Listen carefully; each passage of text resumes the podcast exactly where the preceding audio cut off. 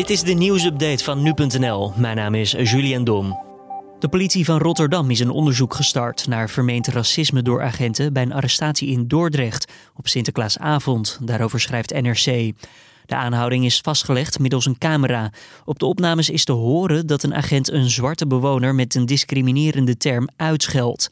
De man doet via zijn advocaat aangifte van discriminatie, zware mishandeling en belediging.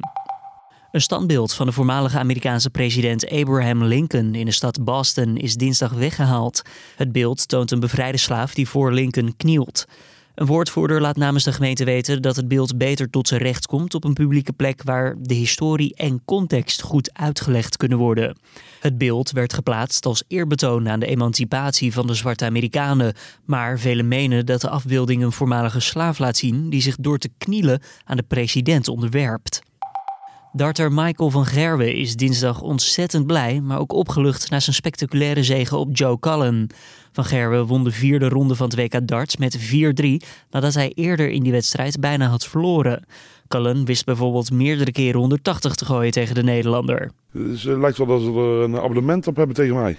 Ja, Simon Whitlock al over de 20, hij 19. Het is, ja.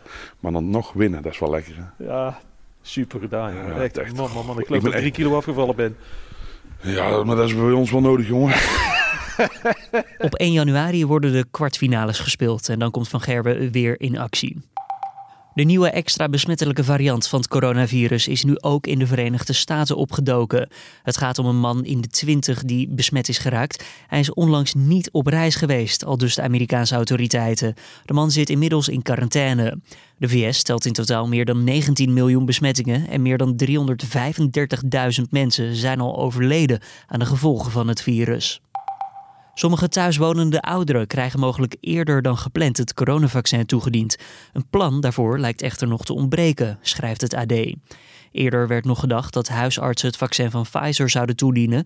Maar doordat het vaccin wordt geleverd per duizend stuks en bewaard moet worden bij zo'n min 70 graden, maakt dat het hele proces lastig, al dus het Nederlandse huisartsengenootschap. Toch wil het kabinet thuiswonende ouderen snel vaccineren. Het RIVM zoekt naar mogelijkheden om dat te realiseren, al dus de krant. En dit was dan weer de nieuwsupdate.